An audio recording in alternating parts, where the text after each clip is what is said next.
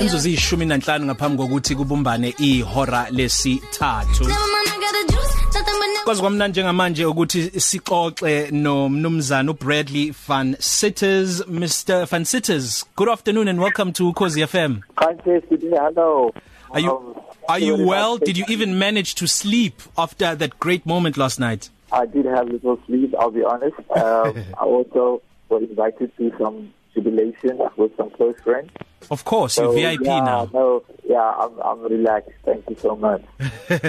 so this is what we heard. I don't know if you've gone to the internet or any of the recordings and had a listen at uh, the words of blessings that you declared last night. But let's have a listen one more time. Karuma, oh nesine, wesna, wedare, utse, weida, pauvatida kumisa, utse, weida, pauvatida kumisa.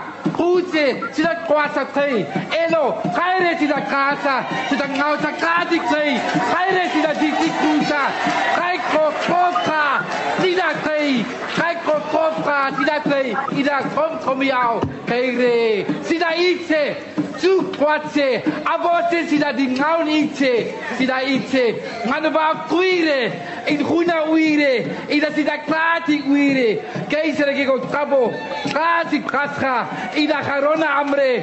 Sas kom gawe sida so abote sida di ngaun itse tu kwatse ida sida gangati kwatire sas ke atira elo sida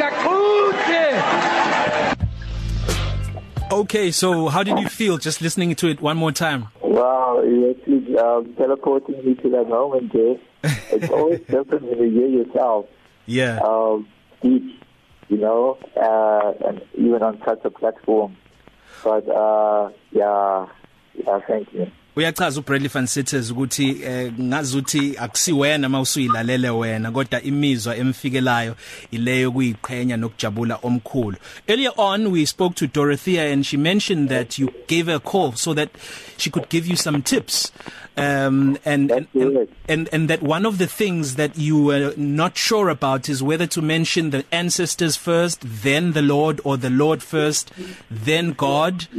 Um how did you feel uh, when you ac actually entered parliament and started reciting Yeah, it was excitement was definitely overcoming me. I'll be honest. Uh, it's the first occasion for me to be in presence of such high level uh, personalities. Yeah. So it was quite a moment. Um, I remember um, catching the glimpse of, of like the EFF outside. I saw these people I usually only see on TV. Um, so it was interesting, very, uh, very interesting for me to um, yeah to be there and rubbing shoulders with um, those uh, people I usually only see on the box. But yeah, it, um, so it was excited. Um, I was also somewhat. Um, it was quite a big task that was falling on my shoulders. Mm. Um, Mm, I can thought imagine. It was, yeah, it was like wow, everyone is gonna you know do this, and um, I'm sure there's people who have good things, and of course not so good things to say about it. Um, like the nature of things, this is the nature of things. So I welcome good and bad responses.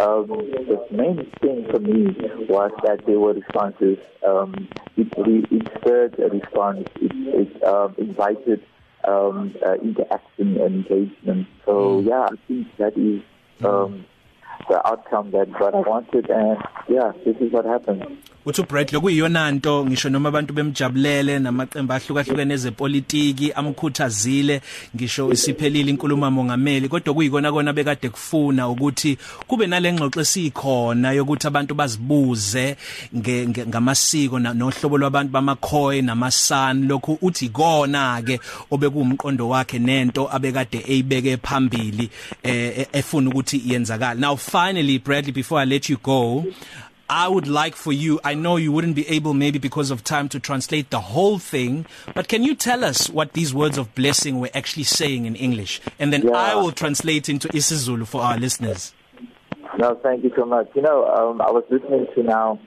to the audio, and I was, yeah, I was, um, I'm always very specifically attentive on the clicks and I was struggling to hear all the clicks. I must be the microphone or something. But I started out with saying Abu Khan Govap, Bu Khan Govap, Ais Govatse, Ki Govatse. Those words mean the language of our ancestors, the language of our foreparents, my mother language, my language. And then I said also, Torek Kare, which means welcome to Cape Town. And I say those words um, in a very humble way to white people, invite people to the African context of Cape Town that has been erased. Uh, people forget that Cape Town is part of the African continent, it as another character on its own. So through these words and through these works, I wanted to reposition Cape Town on the continent to say this place is called Cape. That is the old African name for Cape Town that has been erased out of the minds of many. And then I went on to also welcome the president. I said, um, Sida uh, Danache Korekare. And those were the words that uh, Ostadisi asked me to say.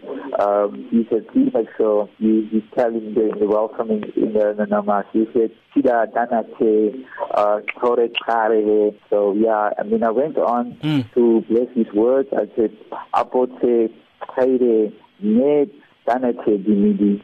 in Chida Sarode Kaiba As Iba, a tone vitality, uh, Kwasibakwa. Mm. So it's like bless the words of the leader and let it strengthen the people and uh, let um, and let the names of the of the great creator to Kwase uh, uh, be uh, be be honored and respected.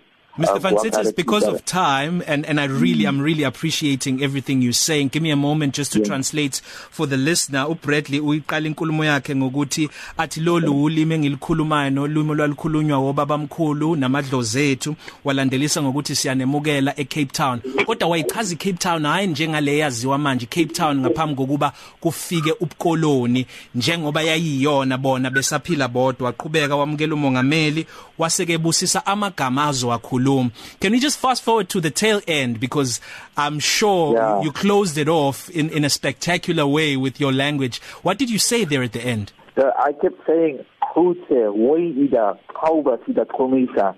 It's great to help us to unite for our heritage. Uh, and I said those words a few times.